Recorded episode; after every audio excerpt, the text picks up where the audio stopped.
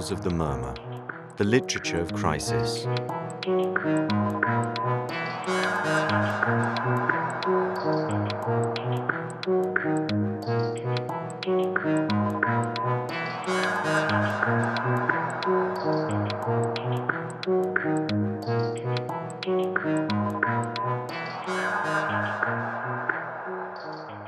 Fluidity, volatility, chaos, confusion, fragmentation, uncertainty, anxiety, crisis, polarization. These are often the words we use to describe the modern world, and though we sometimes find them inadequate, we instinctively feel that they represent feelings we have no other means of expressing. As I was wondering which single word best summed up our present, the word murmur sprang to mind. I'm not even sure I know what exactly it means in Czech. Perhaps this is why I like it so much. We might hear the word murmur as a kind of animalistic growl, an unarticulated dissatisfaction, or a manifestation of disapproval or frustration that we cannot put into words.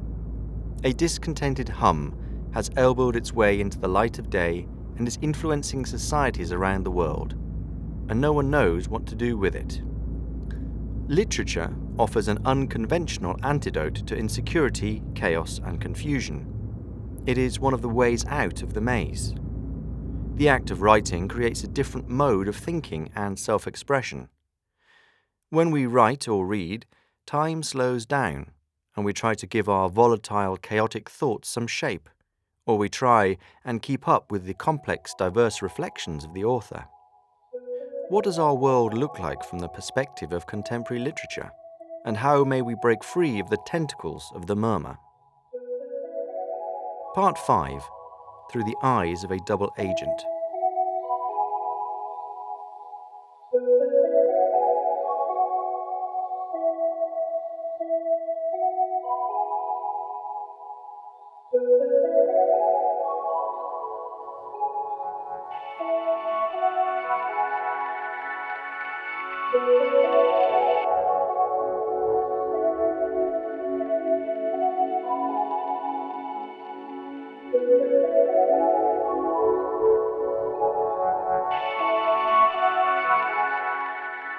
It is difficult to find a theme that divides today's society more than migration. Despite the fact that xenophobic and nativist political groups have had immigration and cultural differences in their sights at least since the 1980s, migration did not become a society wide theme until the outbreak of the bloody civil war in Syria in 2011. The war progressively drove millions of people out of their homes and started what we refer to today as the European migrant crisis. However, during the same period, we can also observe a similar process taking place across the Atlantic. At that time, the United States was experiencing a large wave of migration from destabilized countries of Central America and Mexico. A whole range of artists, documentary, and filmmakers have responded to both events. In their work, they have attempted to evoke empathy in the viewers and present the problem to them in a more comprehensible manner. However, migrants and refugees also bring something else to literature. They convey to us an alternative, alienated view of the society in which they have found themselves. The Vietnamese American writer Viet Thanh Nguyen coined a powerful metaphor for the immigrant's perspective.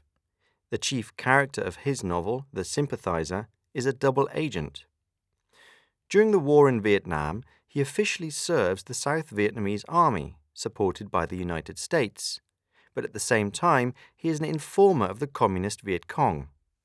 When he flees to the United States, he does not cease to be a double agent, although this now means something completely different.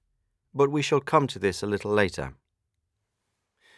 Literary immigrants mostly come to Europe or the United States from countries with a different cultural background.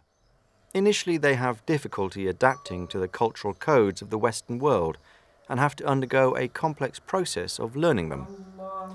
They gradually manage to adopt them, but at the same time, they confront Western customs with the values of the environment from which they have emerged. They thus have before them a unique intellectual space in which antagonistic worldviews frequently clash. Their experiences resemble the situation of someone who has become stranded between two worlds. They cannot completely enter either one of them, and as a result, they are transformed into attentive observers. Of course, this applies only provided that they are not currently in the midst of flight or fighting for their lives in military conflicts or refugee camps. The languid thinking of literature is capable of disintegrating stereotypes and acting as a conduit for complicated and diversified personal stories of refugees and migrants in such a manner that nothing important is lost from them. However, it brings with it a whole range of problems. Can a person who has never lived through anything of the kind write about the experience of migrants and refugees? Does the writer attempt to help the situation through the work, or is he or she merely, even if perhaps unwittingly, capitalizing upon the tragedy of others. Should literature attempt to document the stories of migrants at all? Is it not rather the role of journalism and documentary film? And does literature therefore not merely duplicate their work? But then, how actually should literature speak of immigrants and refugees? All of these questions will be the focus of the fifth episode of the literary podcast In the Tentacles of the Murmur, entitled through the eyes of a double agent.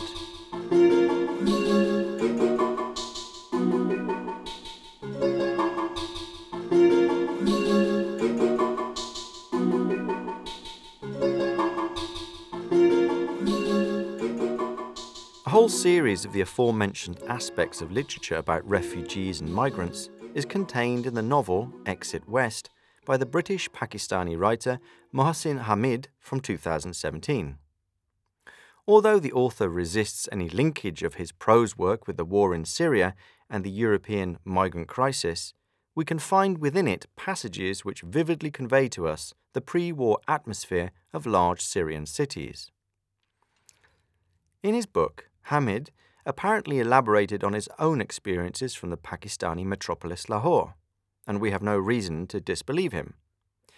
However, the prose of Exit West illustrates to us what ordinary life in large Muslim cities looks like in the era of global capitalism, with special attention given to the desires and ambitions of the educated liberal youth. And in this respect, Pakistan and Syria evidently do not differ greatly. In this short literary work, we follow the love story of the shy and somewhat conservative Saeed and the bold individualist Nadia. They meet at evening courses on corporate identity and brand strategy. Saeed lives with his parents, works in an advertising agency, and specializes in billboards in rural regions.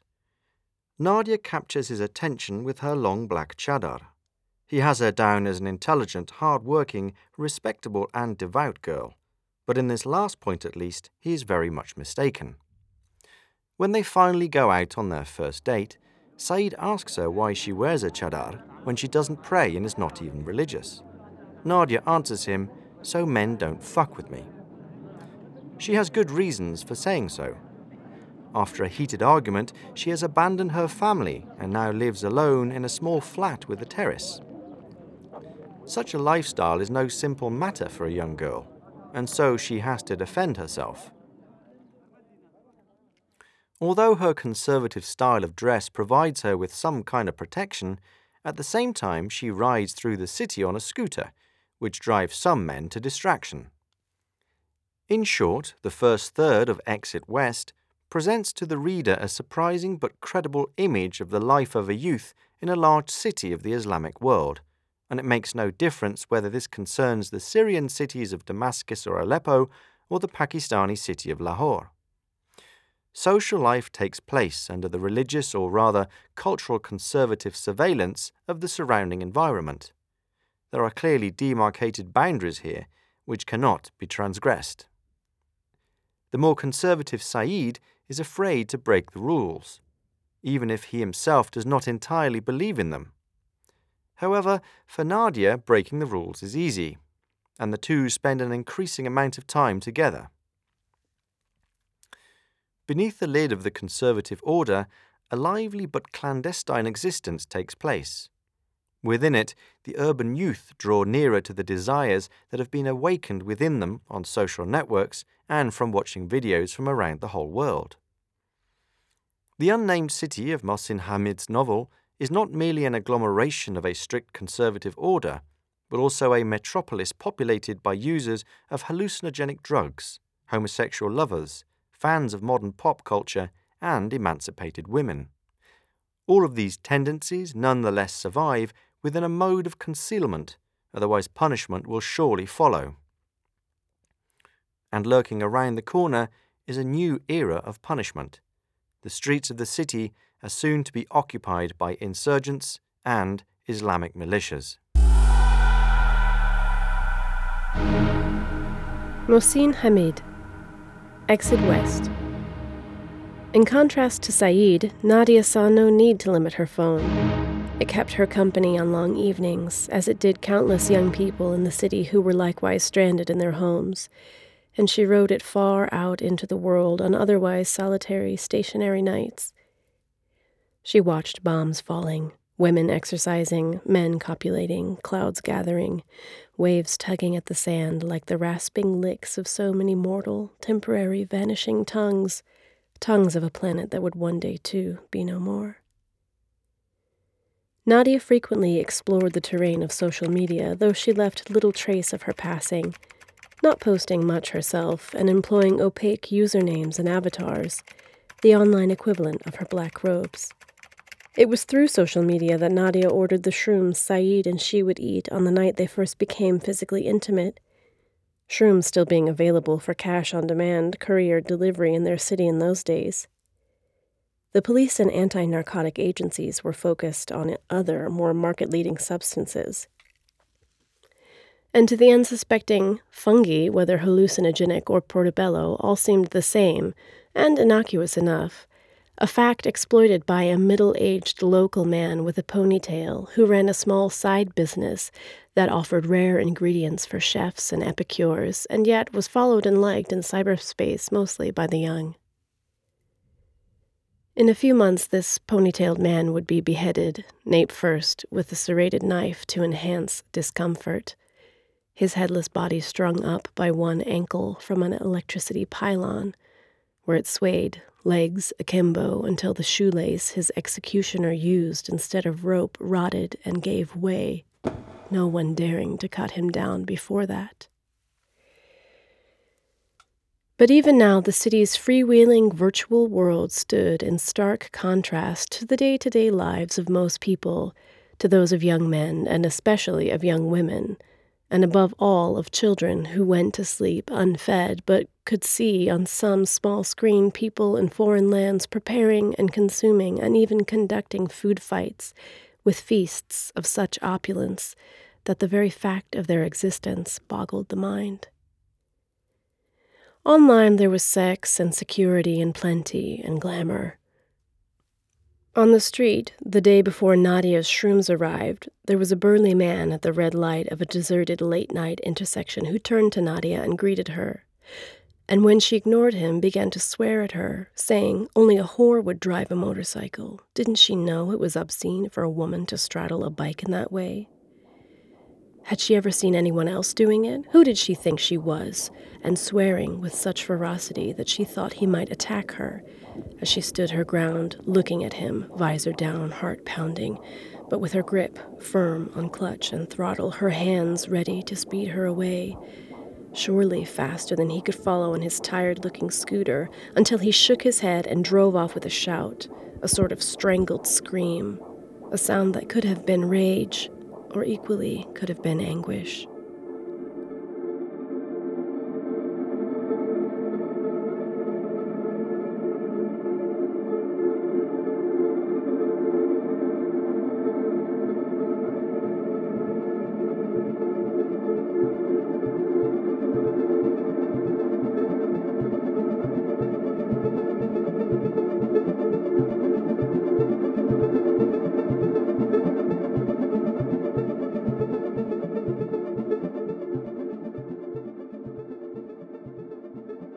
Hamid's simple and powerful description of life in a metropolis before a catastrophic civil war is no rose tinted idyll.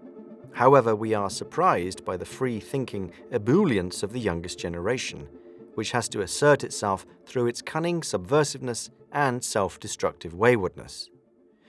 Nadia is virtually the personification of this ebullience, and precisely for this reason, she's also one of the most interesting female literary figures of the last few years.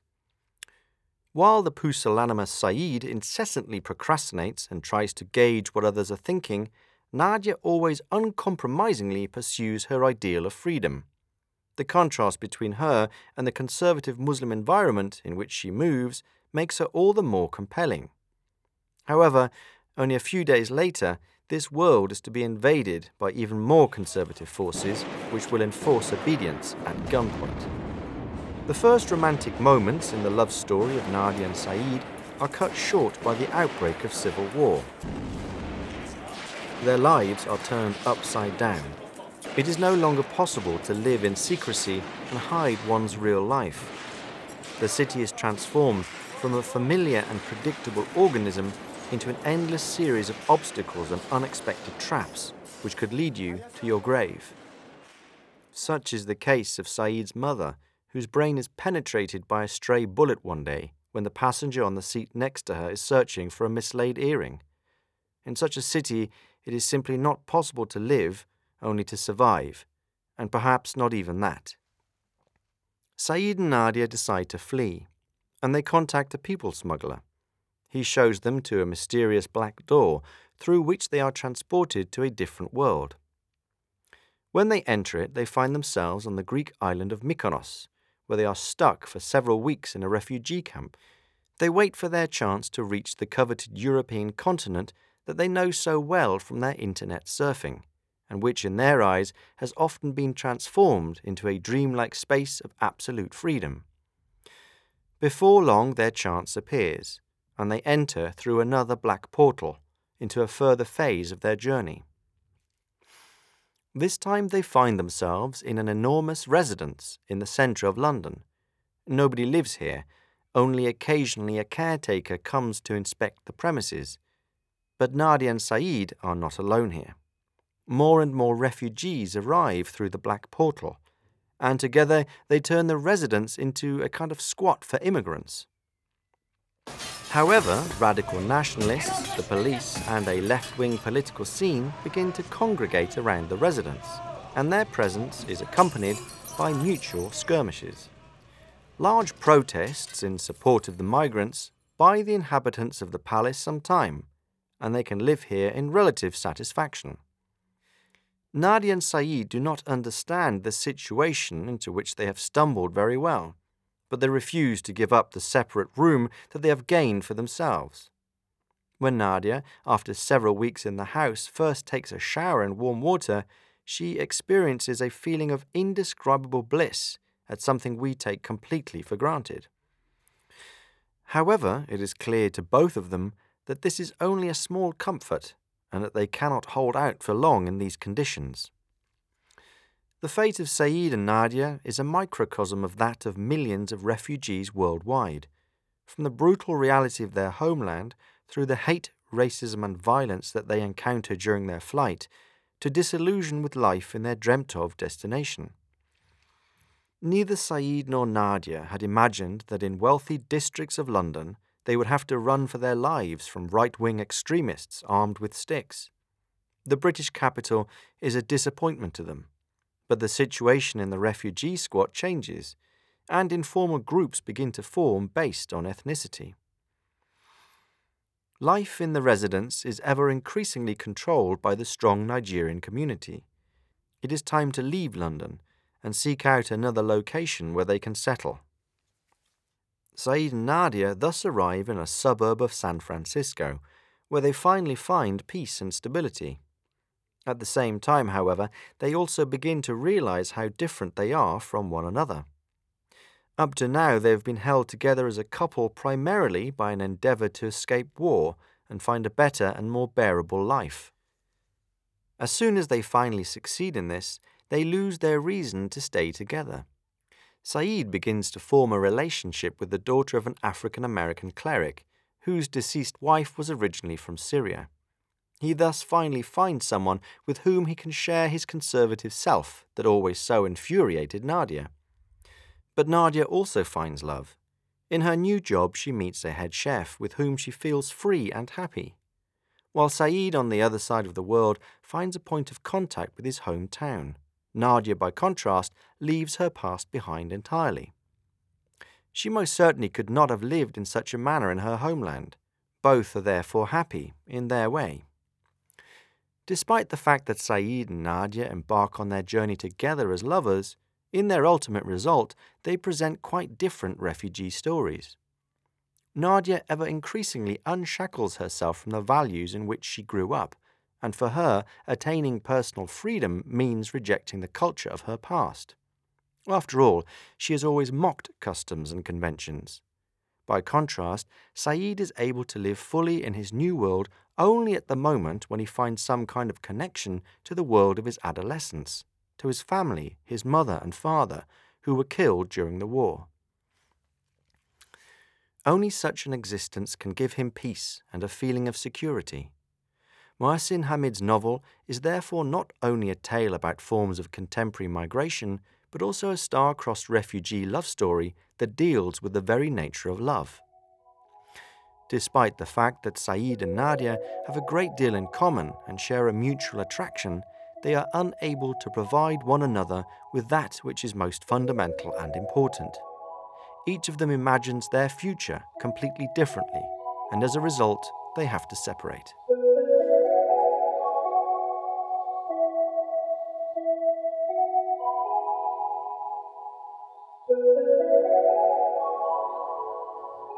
You're listening to Through the Eyes of a Double Agent, the fifth in our series of podcasts in the Tentacles of the Murmur. In the next section, we'll look at literary exiles from the Arab world and how their works are breaking down stereotypical notions about this part of the world.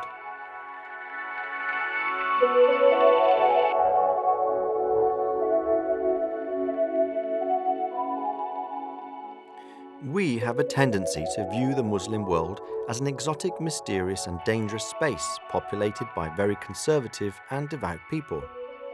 Mohsin Hamid's Exit West shows another face of large Muslim cities, even if it does not attempt to hide the negative phenomena that also exist therein. In a certain manner, he removes the Orientalist veil, and instead of phantasms and illusions, presents demystified everyday life. Such a thought process is indeed typical of refugees, migrants, and nomads, who are able to utilize their position of straddling two different worlds and narrate stories about their country of origin without pathos. At the same time, their exceptional knowledge of the globalized world enables them to narrate in such a manner as to maximize the impact on international readers. They attack Western conceptions and cliches and of sufficient material to invert them. A significant role in this process was undoubtedly played by the Palestinian American theoretician of post colonial studies, Edward Said, whose book Orientalism, published in 1978, transformed the way we speak and think about the Near and Middle East. He was motivated to write it by the lack of understanding that he encountered as an intellectual of Palestinian and Lebanese origin in the United States. In Orientalism, he analyzes works of art, cultural artifacts, and historical documents, and using these examples demonstrates how the Western view distorts and exoticizes the reality of the Arab world, which becomes a projection screen for Western fears, anxieties, and desires. Furthermore, the Western eye has a tendency to perceive the expansive part of the world that stretches from Morocco to Iraq as a monolithic, homogeneous whole. However, it is not the theoretical work Orientalism that is the focus of our analysis here. When Edward Said was dying of leukemia in New York at the end of the 1990s, he wrote his memoir entitled Out of Place, which in very accessible form demonstrates his point through his own recollections. In the book, he returns to his childhood years and shows the transformation that the Arab world underwent from the end of the 1930s up to the end of the Cold War. Although Edward Said was a Palestinian, he spent his childhood and adolescence in the Egyptian capital of Cairo. It was here that his father, a wealthy trader, had his headquarters. Said's family was a prototype of the Arab elite of the day, which cooperated with the British colonial administration. The very title of his memoir, Out of Place, is a compelling one. In part, this naturally concerns his own self stylization, but Said's work is fascinating for how he describes himself as a person who is out of place on so many different levels. He also has a problematic relationship toward his own family his father, his mother, and his four sisters. During his childhood, Said's hyperprotective parents isolated him from everyday life. In Cairo and Jerusalem, he attended the best British and later American schools, which educated the future elites of the country who were loyal to the colonial powers. Arabic language was forbidden in the schools, and especially in the British schools, a very strict and even hostile atmosphere predominated. In addition to this, his parents were Protestants, which meant a further exclusion in the Muslim metropolis of Cairo. His father had fought in the American Army during the First World War and had American citizenship, which later caused his family serious complications. Following the creation of the State of Israel in 1948, his family essentially could not return to their native Jerusalem. When the situation began to deteriorate also in Egypt after the Second World War, the Said family took refuge even more often in Lebanon, from where part of his mother's family originated. Beirut and rural Lebanese settlements became a temporary asylum for them, but in the mid 1970s, this country too became engulfed in a civil war, which lasted a full 15 years. After the Second World War and 150 years of British colonial supremacy, ordinary Egyptians began to inquire into their own roots and identity. Egyptian nationalism became intertwined with conservative Islam and the influential religious movement of the Muslim Brotherhood, which had been founded in 1928, began to gather strength. Edward Said, in his memoir, describes how, in 1952, sympathizers of the Brotherhood set fire to two buildings of his father's company. There was no longer a place for the Said family in Cairo. Nevertheless, the author depicts the colonial Cairo of the 1940s and the beginning of the 1950s as a cosmopolitan metropolis in which cultural and social life flourished, and which was in contact with the whole world. At home, the young Edward Said listened to BBC radio broadcasts and fell in love with classical music, a passion he retained until his death. As one of his formative experiences, he describes the moment when he heard Bedřich Smetana's The Bartered Bride on the BBC. He was carried away by the music and imagined what wedding ceremonies might look like in the land of the mysterious Bohemians. The image of the young Edward Said fantasizing about Czech customs while living in 1940s Cairo is simply priceless. Of course, even his description of cosmopolitan Cairo is occasionally disrupted by the presence of people from poor neighborhoods with their gazes that yearn for revenge. Nonetheless, as a perceptive boy, he is able to sympathize with their hostility, especially when he recalls the atmosphere of the prestigious colonial schools he attends. British schools, in particular, are outstanding in their arrogance. Pupils are forbidden from speaking Arabic and learn detailed minutiae from the history of Great Britain, a country which the majority of them have never visited and with which they have no relationship. The history of the Arab world is obviously not taught whatsoever. The role of the schools is to bring the pupils up as a new generation of loyal colonial subjects. However, at the beginning of the 1950s, this unsustainable situation explodes. The Egyptians vent their accumulated hate not only via religion, but also via the National Liberation Socialist Movement, at the head of which stands the future first president of Egypt, Gamal Abdel Nasser. Said's memoir is remarkable for its depiction of the Middle East and North Africa as a complex and diverse melting pot, in which Jews, Catholics, Protestants, Muslims, socialists, communists, monarchists, rich and poor mix together. In fact, it is no surprise that all of this ultimately feeds into the theory of Orientalism. The book, Out of Place, significantly broadens our conceptions about the life in this part of the world and rejects the simplifying view of the Arab world as a kind of mysterious, homogeneous whole, which has nothing in common with the Western world. And as the episode featuring Bedřich Smetana and the Bartered Bride illustrates, a role here was also played by the Czech Republic. It is difficult to say whether Said's book was influenced by another prose work by an American writer of Egyptian origin, the book Out of Egypt by André Aciman. It was published four years previously and bears a visibly similar title. The Egyptian Italian writer Aciman has penetrated into the pop culture consciousness primarily as the author of the sensual, intimate queer love story Call Me By Your Name, which was adapted into a film in 2017 by the Italian director Luca Guadagnino. Out of Egypt was Aciman's first book, which he published at a relatively late age. At the time, he was 44 years old, but this innovative prose work immediately attracted the attention of the most prestigious American newspapers and magazines. This should come as no surprise. In the book, he maps a world which ceased to exist at the end of the Second World War and is remembered by few today.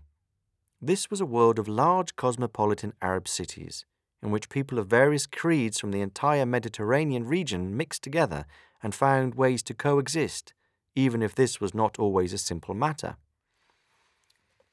The very origin of Aciman's family is remarkable. They were Italian Jewish merchants who settled in the Egyptian port of Alexandria. Aciman's Alexandria bears similarities to Edward Said's pre war Cairo, and together the works form an interesting pair. The book describes the disparate multicultural composition of the population in this old Egyptian port, and in a tone of amused irony depicts the unexpected behavioral manifestations of members of various ethnic groups. One example is when his Jewish uncle Vili becomes an ardent supporter of Mussolini and the Italian fascists. Vili criticizes other Jews for their actions, which in his view put those orderly and well behaved Jews in danger. The Italian fascists and German Nazis then take revenge on all Jews indiscriminately. However, from the very beginning of the Second World War, Vili is also an informer of the British Army and thus leaves his doors open. When General Rommel's forces approach Alexandria, even Vili begins to panic and starts preparing for his deportation to a concentration camp or impending death. As soon as the war ends, he immediately starts conniving again. As an Italian Jew, he couldn't possibly have collaborated with the fascists. It simply doesn't make sense.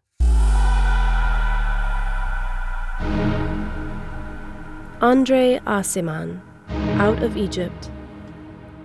For several weeks early that summer, the streets were rife with rumors of an impending, perhaps decisive battle with Afrika Korps. Rommel's forces had seized one stronghold after another, working their way along the Libyan coastline. There's going to be a terrible battle, then the Germans will invade, the British, Vili said, were totally demoralized, especially after Tobruk. Panic struck everyone. The small resort town of Mersa Matruh on the coast near the Libyan border had fallen into German hands. They hate us Jews more than they despise Arabs, said Aunt Marta, as though this were totally incomprehensible. Uncle Isaac, who had heard a lot about German anti Semitism, had put together a terrifying account made up of rumors and reminders of the Armenian massacre of 1895, which he had witnessed. First, they find out who is Jewish, then, they send trucks at night and force all the Jewish men into them, and then they take you to distant factories, leaving the women and children to starve by themselves. All you're doing is scaring everyone, so stop it right now said Esther, who, like other members of her family, had witnessed at least two Armenian massacres in Turkey. Yes, but the Armenians had been spying on the British for far too long, protested Vili, who in this case sympathized with the Turks even though he had fought against them on the British and Italian side during the Great War, while Albert, his brother in law, who had fought with the Turks against the British, condemned the massacres as barbarous. The Turks simply had to put a stop to it in the only way they knew how, with blood and more blood. But what have Jews ever done to the Germans? asked Uncle Nassim. The way some Jews behave, and Clara jumped in. I'd run them out of this world and into the next. It's because of Jews like them that they hate Jews like us, she said, eyeing her brother Vili, one of whose favorite maxims she had just quoted. Then they're really going to take us away, you think? Interrupted Marta, her voice already quaking. Don't start now with the crying, please. We're in the middle of a war. That's why I'm crying, Aunt Marta insisted. Don't you see? No, I don't see. If they take us away, then they'll take us away, and that'll be the end of that.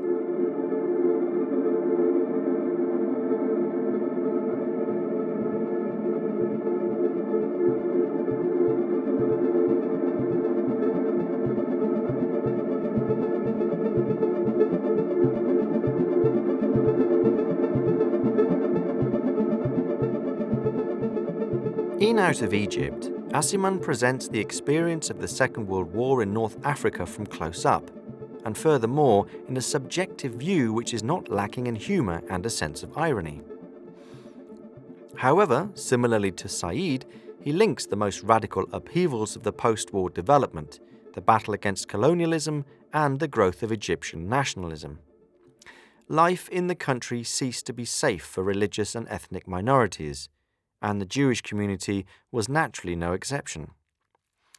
Life in the country ceased to be safe for religious and ethnic minorities, and the Jewish community was naturally no exception. The entire family therefore left Alexandria, as did the Armenians, Greeks, Italians, and a little later also the British and French. Andre Aciman and Edward Said, in their works, describe a world which definitively disappeared with the end of the Second World War. A world whose boundaries and limits stretch beyond how we perceive today's globalized world, in which boundaries and differences are allegedly being erased. The Egypt of these two authors is an Egypt in which religious, ethnic, and national differences are able to survive. In both books, Egypt is naturally also an object of nostalgia, a kind of mythical homeland which both authors pine for in their later lives. Even so, they present an unexpected history of the Arab world, about whose existence the majority of us had no clue, and to which, for several reasons, it is no longer possible to return.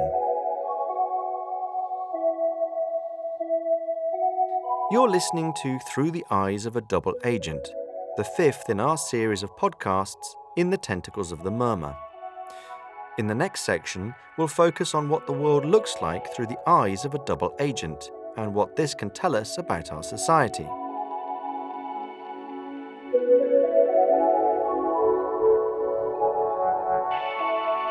At the end of our last podcast, focusing on the African American experience, I spoke of the novel Americanah by the Nigerian American writer Chimamanda Ngozi Adichie.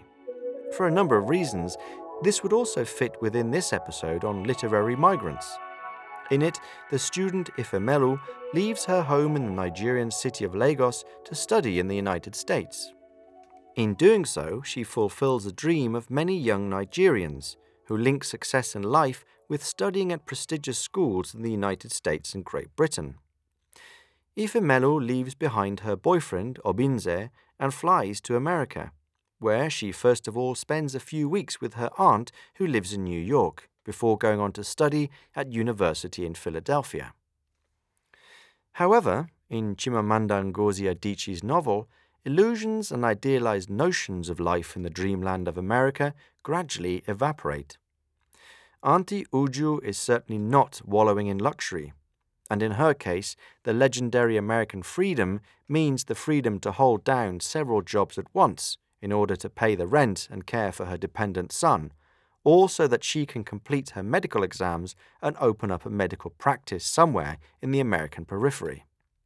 Ifemelu gradually comes to encounter American racism and the peculiar position within it occupied by the relationship toward immigrants from Africa. In the United States, she experiences for the first time that a correlation exists between skin color and class differences. Whereas in Lagos social class is manifested in diverse ways, in the United States, she finds that skin color is its primary defining marker. People with darker skin are automatically viewed as members of lower social strata and are faced with a complex task in order to prove the opposite. Language has an especial significance for the experience of the African immigrant. At the outset, Ifemelu's chief goal is to learn correct American pronunciation.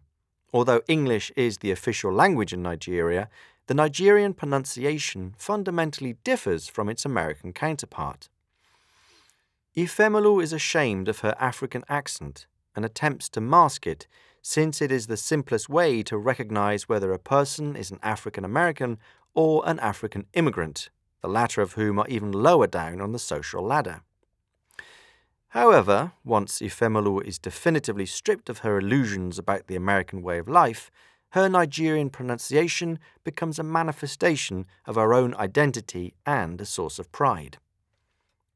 Nevertheless, even her later return to Lagos does not take place according to her expectations. After several years in the United States, she has lost touch with the majority of her closest circle, and it is only with difficulty that she can re establish contacts with her former friends and acquaintances. For them, she is now a princess who has returned from the big world and intends to lord it over them. In their eyes, she is someone who has been irrevocably altered by the American way of life, but at the same time a person who was unable to cope with life in the United States and has returned home. For them, she is neither a Nigerian nor an American. She has become an Americanah, a woman imprisoned between two worlds. To a certain extent, this motif of displacement runs through all the books dealt with in this podcast. It is appositely encapsulated by the metaphor of the double agent from the novel The Sympathizer by the Vietnamese American writer Viet Thanh Nguyen, which I have incidentally borrowed for the title of this podcast. I am a spy, a sleeper, a spook, a man of two faces. Perhaps not surprisingly, I am also a man of two minds. I am not some misunderstood mutant from a comic book or a horror movie, although some have treated me as such. I am simply able to see any issue from both sides. These are the opening sentences from the narrator and main character of the book, to whom Nguyen impersonally refers to only as the captain. The captain is an advisor to a general in the South Vietnamese army, and as soon as the capital city of Saigon is definitively conquered by the Viet Cong, they flee together into exile in Los Angeles. However, the whole time the captain is also a spy for the Vietnamese communists, which is why he also calls himself a double agent. He continues to serve the North Vietnamese regime also during his American exile, where he carries out the regime's commands. Nonetheless, the magic of Nguyen's book does not consist in the masterful narration of a spy thriller about the Vietnam War. The fate of the captain partially resembles the personal experience of Nguyen himself. Four years after the end of the conflict, his family also fled into exile in America. Today, the author is employed as an academic at the University of South California, and in 2016, thus one year after the publication of his literary debut, The Sympathizer, he also published an academic work on the ideological aspects of remembering the war in Vietnam. These two books have close mutual links, and one could not have originated without the other. In The Sympathizer, Viet Thanh Nguyen comments caustically on the manner in which Americans speak about the war in Vietnam. For conservatives, it was a holy war against a communist menace that had spun out of control, while liberals and representatives of the counterculture view it via the prism of their own struggle against the arrogance of the US government. In neither case do the Vietnamese people themselves have their say. And what is worse, the exceptional dominance of the United States in the globalized world means that nobody is interested in how Vietnamese society recalls the war. the captain can no longer tolerate how the whole world sees this conflict via its narration in the American pop culture. And it makes no difference to him whether this concerns an aggressive ideological criticism of Vietnam and the demonizing of the Viet Cong, or the self flagellating and consequently ultimately narcissistic denigration of the US Army. Nguyen appositely describes this problem in a burlesque passage from the novel, in which the main character turns up at the filming of a new Hollywood feature production about the Vietnam War. The director, who bears a conspicuous similarity to Francis Ford Coppola, calls upon the Vietnamese American diaspora to comment on the screenplay and bring in refreshing impulses to the motion picture. But there's a catch.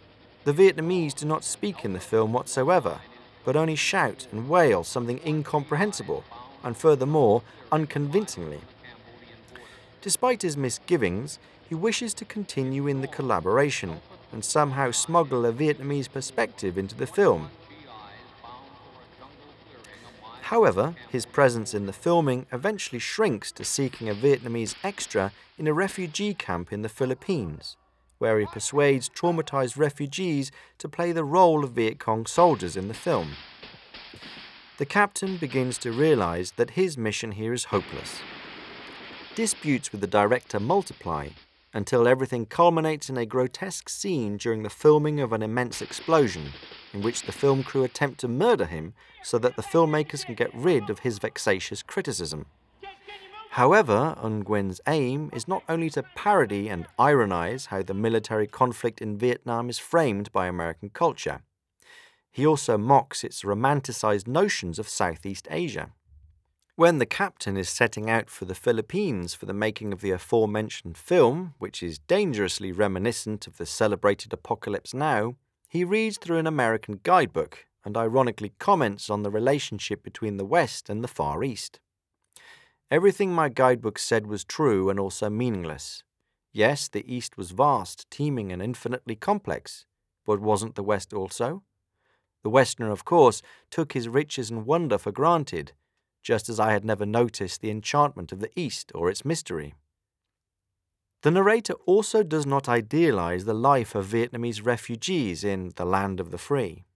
According to him, the majority of them are merely aimlessly surviving in American cities while thinking about their homeland and the lost war. He believes that it was due to this peculiar embittered homesickness that a series of Vietnamese restaurants were opened in the USA in the 1970s and began to compete with their Chinese counterparts. The earnings from their operation were often sent to fund the activities of the anti communist resistance. In this activity, the disconsolate inconclusiveness of the experience of exile merges together with the desire for revenge, which still smouldered within the majority of the American Vietnamese. The espionage aspect of The Sympathizer tempts us to understand the narrator's position as a double agent literally, that he is someone who, while masquerading as an ally of the US Army, in reality is its enemy and an informer of the other side. However, it is not so simple. For him, both sides of the conflict represent partial answers to the problems of the Vietnam of the time, but he does not fully identify with either of them. We sense that his sympathies lie rather on the side of the national liberation struggle of the Viet Cong, but we do not know whether or not this is chiefly because their perspective has been suppressed for decades, despite the fact that they won the war. Indeed, the narrator also comes to assume the position of a double agent in his relationship toward the United States. Before the war, he studied here and became a prominent figure in the South Vietnamese army. He is fascinated by American lifestyle and culture. However, he is unable to abide American arrogance, condescension, and self centeredness. The captain is an exile in a country which for 10 years waged an extremely bloody war with his native land.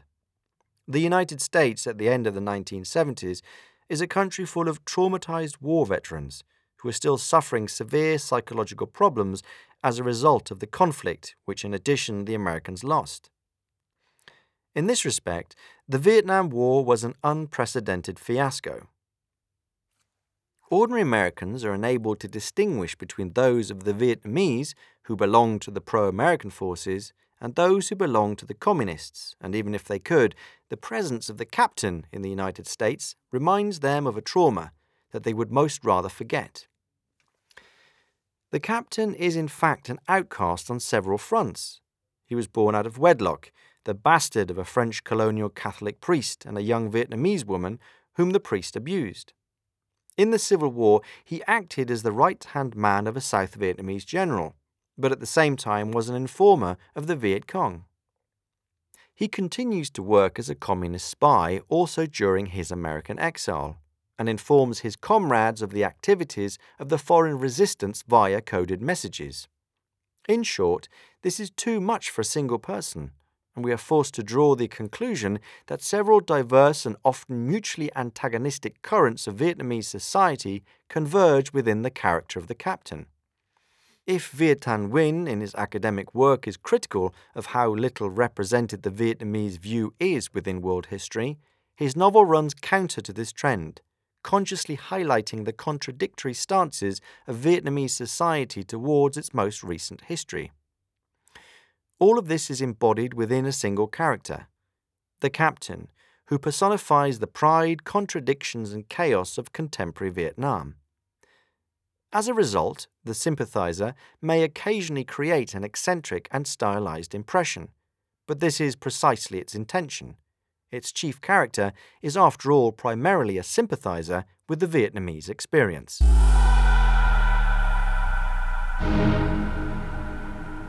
Viet Thanh Nguyen, The Sympathizer, a novel. The general furrowed his brow just a bit to show his concern and understanding. As a non white person, the general, like myself, knew he must be patient with white people who were easily scared by the non white. Even with liberal white people, one could go only so far, and with average white people, one could barely go anywhere. The general was deeply familiar with the nature, nuances, and internal differences of white people, as was every non white person who had lived here a good number of years.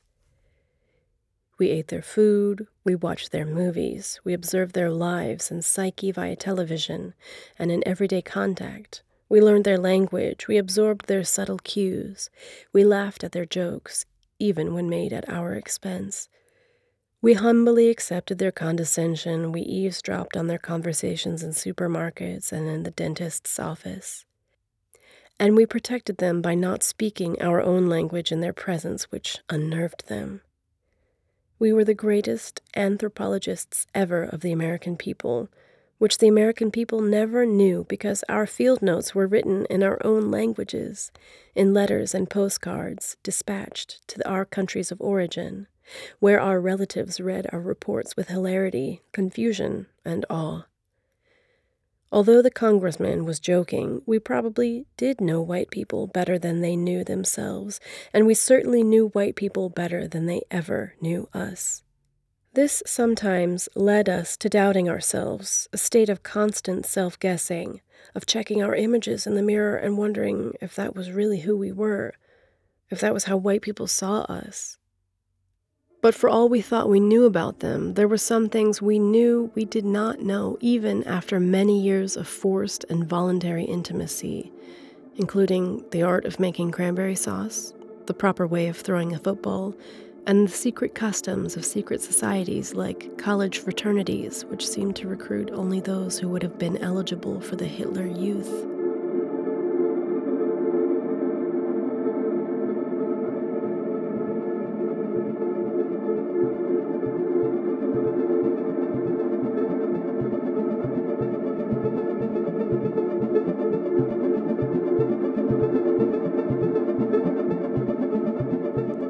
Debut, On Earth We're Briefly Gorgeous, by the young Vietnamese American writer and poet Ocean Vuong, goes in entirely the opposite direction.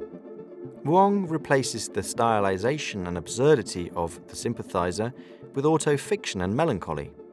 In The Sympathizer, Viet Thanh Nguyen mentions the Vietnamese in refugee camps in the Philippines.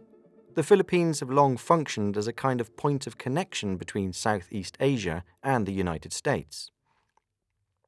The majority of Vietnamese who wanted to reach the USA had to go through the Philippines if they survived the sea voyage on the ramshackle boats they had to sail in. At the beginning of the 1990s, Ocean Vuong came to the United States from one such Filipino refugee camp. He settled in Hartford, the capital of the state of Connecticut, located halfway between New York and Boston. In his compelling prose work, Ocean Vuong describes his childhood and adolescence in a poor immigrant quarter of a provincial American town where he lives with his mother and grandmother. Neither speaks English or intends to learn it.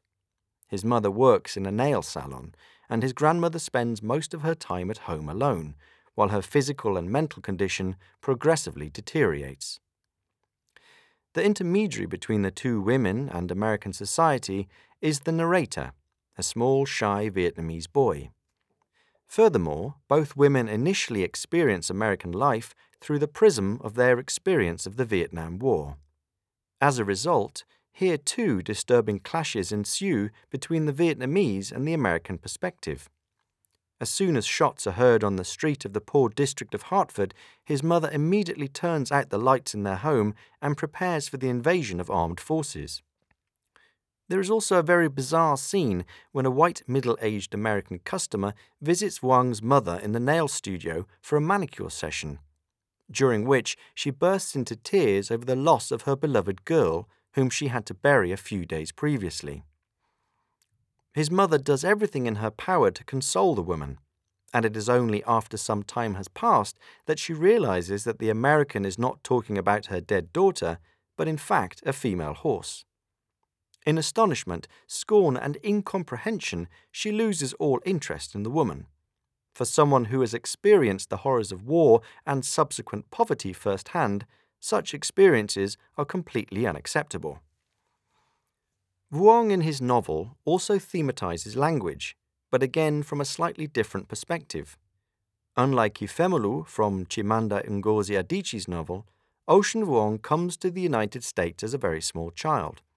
He therefore does not have to worry about how his pronunciation sounds, and he picks up American English entirely naturally in school institutions.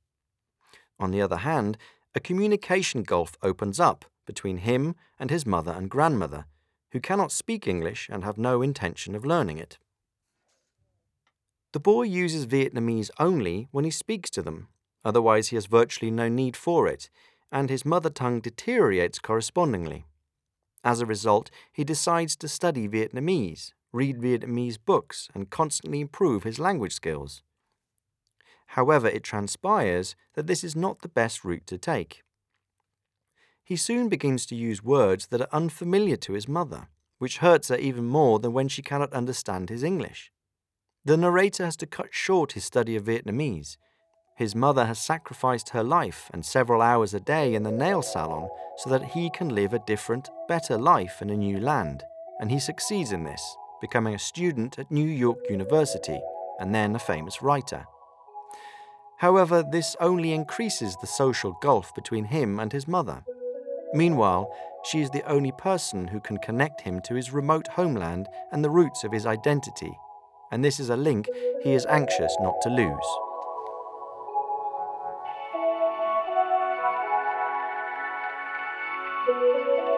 You're listening to Through the Eyes of a Double Agent, the fifth in our series of podcasts In the Tentacles of the Murmur. In the next section, we'll ask how migration is reflected in Eastern European literature and how Czech authors deal with this theme.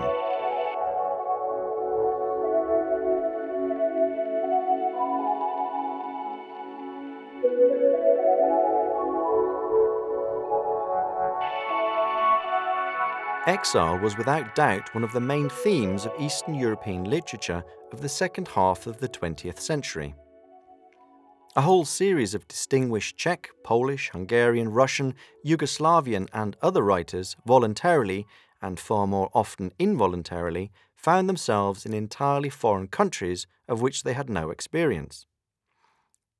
Many of them viewed this as a temporary period which would pass, after which they would return to their homeland. And a whole range of them did indeed return to Czechoslovakia after the Velvet Revolution. However, others lost their faith in their native country or built a new life for themselves beyond its borders, such as Milan Kundera, Patrick Ouředník, and others. But after the collapse of the Iron Curtain, the situation changed, and with it also the way in which Eastern European migration was spoken about. Initially, the predominant atmosphere was one of an era of discovery. We could finally travel beyond the borders and see the world for ourselves. The literature was dominated above all by an enthusiasm for discovering the surrounding world. For us, everything in the West was new and magical.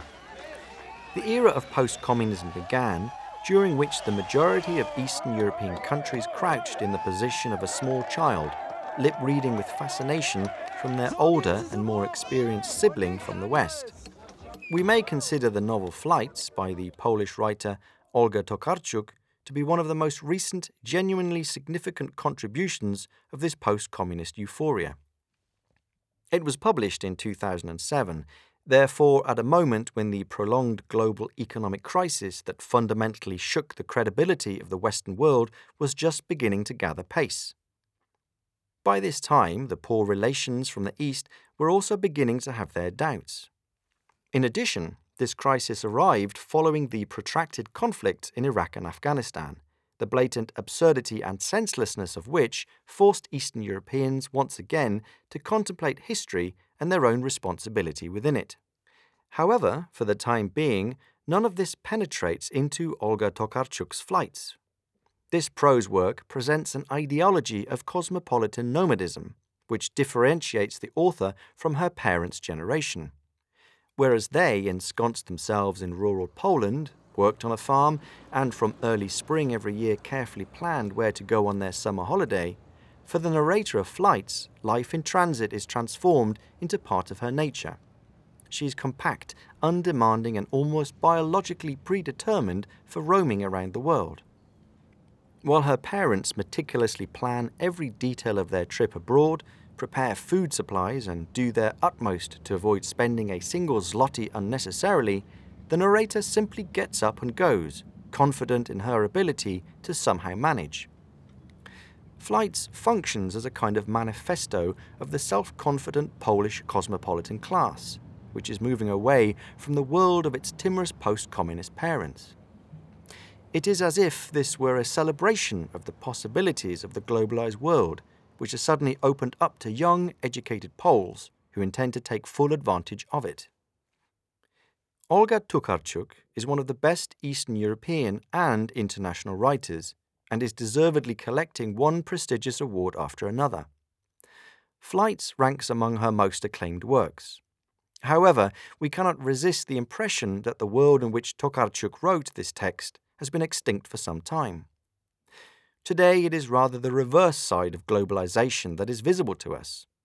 In retrospect, Flights thus appears as a kind of triumph of post communist ideology, in which the author announces that we have finally arrived, that we are part of the globalized world and have nothing to be ashamed of. It is a book of a new dynamic Eastern European generation, which will no longer stand in the corner, but instead self confidently explore the world. Today, this work is now a world renowned example of the liberal, cosmopolitan, and accessible face of modern Poland and Eastern Europe. However, in it, we can also find darker undertones, which somewhat complicate the overall impression of the book.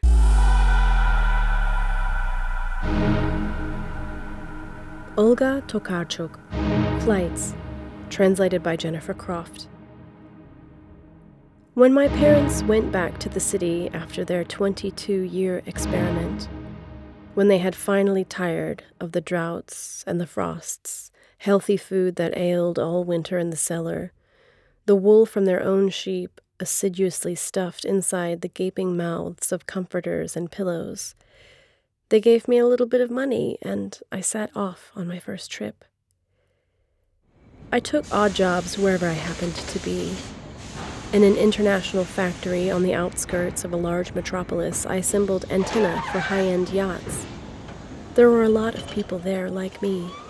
We were paid under the table and never questioned about where we came from or what our plans were for the future. Every Friday we got our money, and whoever didn't feel like it anymore simply didn't come back on Monday. There were school graduates taking a break before applying to university, immigrants still en route to that fair, idyllic country where they were sure was somewhere in the West, where people are brothers and sisters, and a strong state plays the role of parent. Fugitives from their families, from their wives, their husbands, their parents. The unhappily in love, the confused, the melancholic, those who were always cold. Those running from the law because they couldn't pay off their debts. Wanderers, vagabonds, crazy people who'd wind up in the hospital the next time they fell ill again. And from there, they'd get deported back to their countries of origin on the basis of rules and regulations shrouded in mystery. Just one person worked there permanently an Indian man who had been there for years, though in reality his situation was no different from ours. He didn't have insurance or paid holidays. He worked in silence, patiently, at an even keel. He was never late. He never found any need to take time off. I tried to talk to people into setting up a trade union.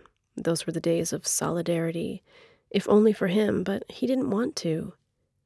Touched by the interest I'd taken in him, however, he began to share with me the spicy curry he brought in a tiffin carrier every day. I no longer remember what his name was. I was a waitress, a maid in an upscale hotel, and a nanny. I sold books, I sold tickets. I was employed in a small theater for one season to work in wardrobe, making it through that long winter ensconced backstage amidst heavy costumes, satin caps, and wigs. Once I'd finished my studies, I also worked as a teacher, a rehab counselor, and most recently, in a library. Whenever I managed to save any money, I would be on my way again.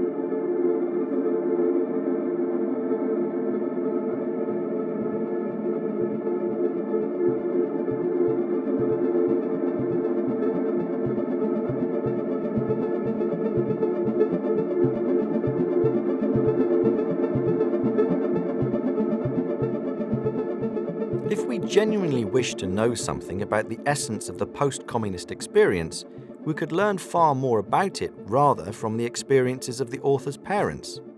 What was it like shortly after the revolutions to travel to the countries of Western Europe in shoddy clothes, with an empty wallet and no language skills? What did we experience at that time? Were we overwhelmed, disorientated? Did we feel ashamed or envious? It is striking that Eastern European literature has dealt with this unique theme very little, as if it too would most rather forget this trauma. However, without it, the history of the post communist world would never be complete. And it is precisely here that we may find a key to understanding the present conservative and authoritarian tendencies that are on the rise in Eastern Europe. An inconspicuous exception to this is provided, for example, by the novel Love in the Time of Global Climate Change by the Czech writer Josef Pánek. In the great majority of the plot, our narrator, a Czech scientist, negotiates the reality of the Indian city of Bangalore, where he has come to an international conference. He observes the local society and how the people around him behave. How, in the figure of a white scientist, they spy an opportunity to at least make a living. How they take care of him and battle for his attention. It is as if the narrator has suddenly become aware here of his privileged standing within the hierarchy of the contemporary world. He falls in love with a young Indian scientist and pursues the fantasy of her in the streets of the chaotic city. However, Pánek unexpectedly inserts a further aside into this story when the narrator describes to the Indian scientist how he visited Iceland with a friend in the 1990s. Two students without money or any preparation set out for an interesting destination. And despite finding themselves in a relatively civilized country, they become embroiled in a struggle for survival. They do not particularly wish to engage other people in conversation, but prefer to rely on themselves, thereby somewhat helping to conceal their feelings of unease and shame. Panek's description of the trip to Iceland plausibly captures the awkwardness, insecurity, and vulnerability which accompanied the East European tourist in the world beyond the Iron Curtain. Furthermore, through the means of this Icelandic episode, Panek places the post communist experience in a kind of continuity with the experience of people from the rapidly developing countries of the Third World. In the behaviour of the Indians, he has perhaps caught a glimpse of a fragment of his own past. In connection with the migrant crisis and Brexit, the theme of decent and hard working East Europeans living in Britain has emerged in pop culture. In 2012, the British writer John Lanchester, in his mosaic like novel Capital, described the life of East European workers in London before the onset of the global economic crisis.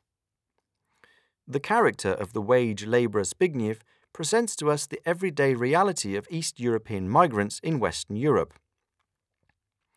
Although Zbigniew works on orders in the calm and luxurious Pepys Road in the wider centre of London, after work he goes back to the edge of the city, where he shares a flat with several other Eastern European labourers. He wishes to save as much as possible on rent so that he can build his own house upon his return to Poland. At the time, few Czech fans of Brexit acknowledged the possibility that when British politicians spoke of halting the flood of migrants, they had in mind people such as Lanchester Zbigniew, hard-working and thrifty East Europeans, who, in the eyes of ordinary British citizens, had forced down the price of labour and deformed the labour market in the country. Within the course of a few years, the adaptable, innocuous, and hard working Czech became a migrant, an outsider, a parasite upon the British social security system, who was impoverishing ordinary working people. However, it was only exceptionally that this reversal of perspective became a theme of contemporary art, literature, and film. Whereas the collapse of the Eastern Bloc attracted the attention of the whole world to Eastern Europe for a decade, during which everyone wished to acquaint themselves with their strange European neighbours who had been isolated by state socialism, in recent years, Eastern European countries have again found themselves on the periphery of international interest. In a large part, this is their own fault. From a global perspective, the experience of the transition from state socialism to state capitalism represents a unique experience that few have gone through but almost nobody has attempted to capture this singular experience in a literary work.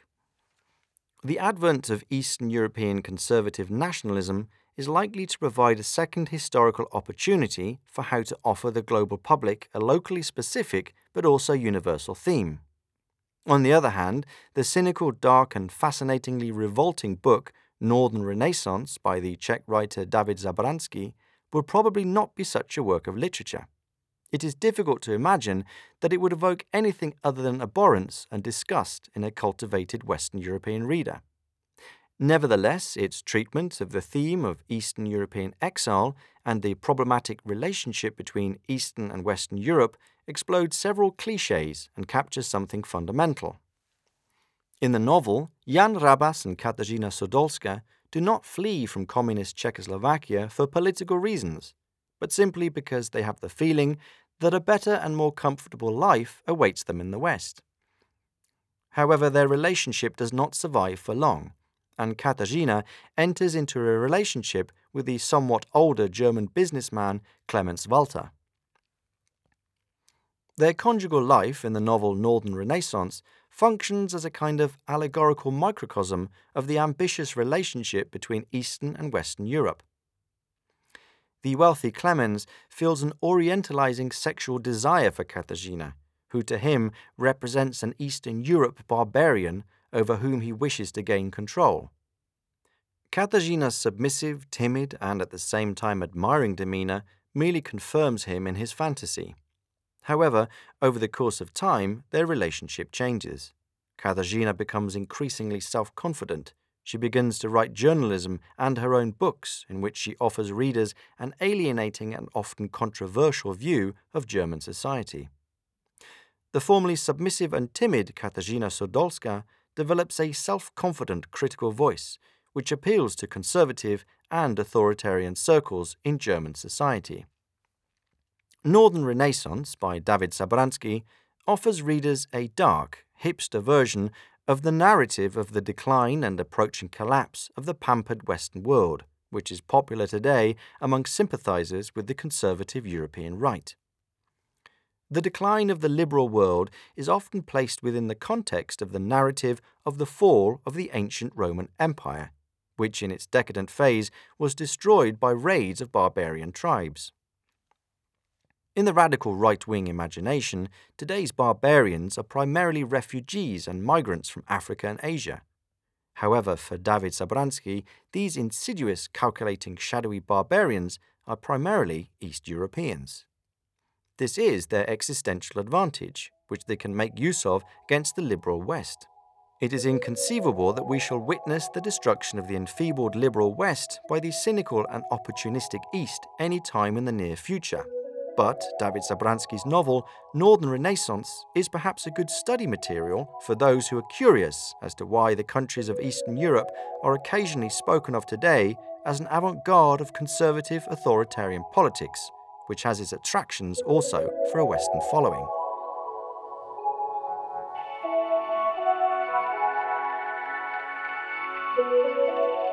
You're listening to Through the Eyes of a Double Agent, the fifth in our series of podcasts in the Tentacles of the Murmur. In the final section, we'll focus on how it's possible to resolve the moral dilemmas that writing about migration presents. The literary world very often has to confront the issue of appropriation and the question of misappropriating powerful personal stories for the purposes of art. In this respect, the fates of migrants and refugees represent an especially sensitive theme. The most recent scandal of this type was this year's launch of the novel American Dirt by the American writer Janine Cummins. In it, the author narrates the fictional story of a Mexican woman and her eight year old son, who attempt to reach the United States from Acapulco. Cummins has garnered criticism for her novel from all possible sides. Some have reproached her for the grotesque inaccuracies in her depiction of the reality of contemporary Mexican society, but the vast majority of critics have simply accused her of acting as a parasite upon the suffering of Mexican migrants, who have become an immense media theme in the United States in recent years. One of the critics of this novel was the Mexican American writer Valeria Luiselli, whose critically acclaimed novel, Lost Children Archive, focused directly on the theme of migration to the United States. How is it that the critics praise her novel to the skies while derisively mocking Janine Cummins' American Dirt? The answer is perhaps that Lost Children Archive is in many respects a meta narrative about how to deal with this issue in literature generally. It does not present an arid academic instruction manual on how to proceed, but rather a readable, full blooded novel. In 2014, the United States registered a peculiar migration phenomenon.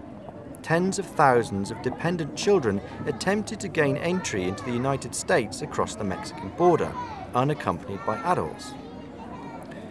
At that time, poor families from Mexico and the countries of Central America, out of desperation, sent their children on the long and dangerous journey to the United States.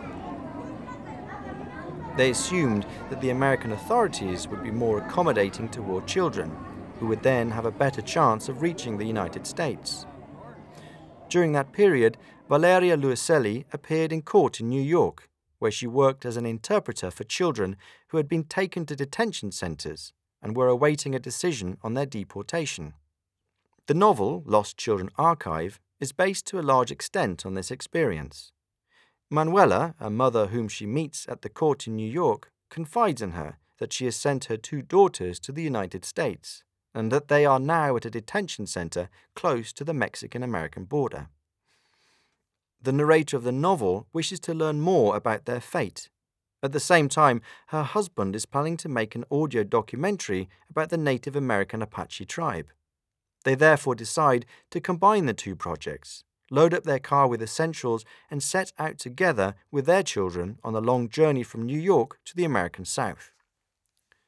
Despite the fact that the international media framed her book as a great American novel about the migrant crisis, the result will undoubtedly be surprising for the majority of readers. Valeria Luiselli certainly does not offer us a classic drama in which a bold writer searches for two lost girls somewhere in the American desert. The basis for her narration about migration to the USA is her subjective viewpoint. In an ordinary family road movie, she gradually shows in a sophisticated manner how migration is influencing and altering contemporary American society. However, the destinies of the migrants imprint themselves upon how the narrator herself perceives reality. This is manifested, for example, when their car is stopped by the police and she is filled with an irrational and entirely groundless fear that she might face problems due to her Mexican background, which may culminate in her expulsion from the country. Another example is when she receives suspicious glances from people in the southern states, with the result that she deliberately conceals her origins. However, the stories of the lost children are also projected into her relationship toward her own children, for whom she fears. When the parents talk amongst themselves about children who have disappeared, their own children immediately take notice and begin to ask questions on the theme. How should a parent speak to them about such a world?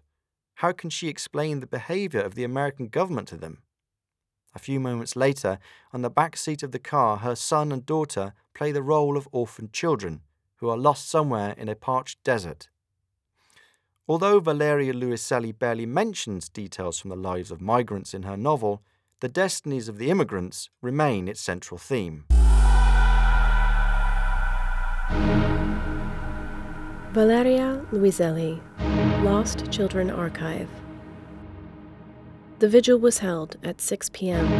outside a building on Varick Street. I arrived a couple of minutes late. Father Juan Carlos was there with another 12 people he greeted me, shaking my hand formally, and introduced me to the rest of the group. I asked if I could record the gathering on my sound recorder. He said yes. The others nodded in agreement, and then, ceremoniously but with candid simplicity uncommon in men accustomed to podiums, he began speaking. He pointed to the sign hanging by the main entrance of the building, which announced Passport Agency, and said that few people knew that the building, which occupied an entire block of city grid, was not actually just a place where you got a passport, but also a place where people without passports were being held. It was a detention center where immigration and customs enforcement agents locked people away after detaining them on the streets or raiding their homes at night. The daily federal quota for undocumented people, he said, was 34,000 and was steadily growing. That meant that at least 34,000 people had to be occupying a bed each day in any of the detention centers, a center just like this one, across the country. People were taken away, he continued, locked up in detention buildings for an indefinite amount of time. Some were later deported back to their home countries, Many were pipelined to federal prisons, which they profited from them, subjecting them to 16 hour workdays for which they earned less than $3. And many of them were simply disappeared. At first, I thought Father Juan Carlos was preaching from a kind of Orwellian dystopic delirium. It took me some time to realize that he wasn't. It took me some time to notice that the rest of the people there that day, mostly Garifunas from Honduras, were family members of someone who had, in fact, disappeared during an ICE raid. When Father Juan Carlos finished speaking, he'd said we'd all now walk twice around the building. Everyone started walking in a line, in complete silence, they were all there to claim their disappeared, there to protest silently against a bigger, deeper silence. I followed them at the end of the line, my recorder raised above my head, recording that silence. We walked half a block south, one block west, one block north, one block east, half a block south, and then once more. After the second round, we all stood still on the sidewalk for a few minutes until the priest instructed us to place the palms of our hands against the wall of the building. I tucked my recorder into my jacket pocket and followed the rest. The concrete felt cold and rough against my hands. Cars whipped past, behind the line of us along Varick Street. Father Juan Carlos then asked, in a louder, more severe voice than before, Who are we missing? One by one, the twelve people standing in the line, their hands firmly pressed against the building's walls, their backs to the busy street, each called out a name. Awilda, Digana, Jessica, Barana, Sam, Lexi.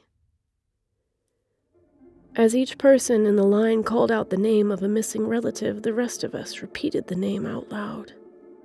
We pronounced each one clear and loud, though it was hard to keep our voices from breaking, hard to keep our bodies from shaking. Chem, Brandon, Amanda, Benjamin, Gary, Waraija.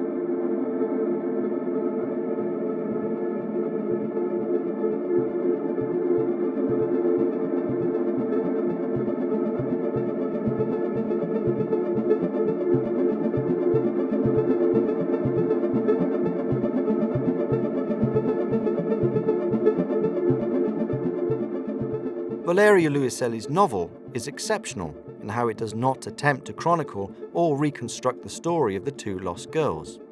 It does not wish to document where they have come from, the route by which they have travelled, what they encountered during their journey, and how everything turned out. In the author's view, this is the role of journalism or documentary films. It is their job to present real stories of actual suffering people. In her book, Valeria Luiselli records their absence, the key to understanding her book is a passage devoted to the ethnomusicologist Steven Feld. One of his theories was that the sounds that people create are echoes of the environment that surrounds them. He has devoted his whole life to the invisible and deep seated connections between sounds and the surrounding reality. For example, in the 1970s, he examined the funeral songs of the Bosavi people of Papua New Guinea and formulated the hypothesis that their songs copied the sounds of the local birds. For the Bosavi, birdsong represented a materialization of the absence that they entirely logically connected with death. It is mostly impossible to catch sight of birds in the rainforest, but their song informs us of their approximate spatial location. If they sing while in flight, they are probably no longer physically in this place. Their song is therefore a materialization of their absence, just as the funeral songs of the Bosavi materialize the presence of the deceased. Valeria Luiselli based her novel Lost Children Archive on a similar principle. The surrounding reality of the story constantly draws our attention to the absence of the two young girls, without us ever once encountering them in the plot. Their absence opens up a trauma within us, but this trauma is of a more general nature and is not exhausted when we learn something about the tragic fate of a few specific people. Valeria Luiselli's novel is thus an archive of all children lost on the Mexican American border, and as a physical book, a material artifact. It reminds us of their absence. Today, we frequently encounter the popular notion that political correctness, excessive discretion, and prudishness are preventing us from telling it like it is. By contrast, Valeria Luiselli's novel shows us that criticism of appropriation and the misuse of tragic stories of specific people in a work of literature can produce interesting results. Her prose work is the outcome of precisely such criticism and in it she succeeds in inventing a new way to speak about migration. The result is a thoughtful, observant, and sensitive work, which at the same time is compelling and original. It is precisely at such moments that literature again demonstrates its power. It is able to devise new ways in which to speak about our world, not only more sensitively, but above all, more precisely.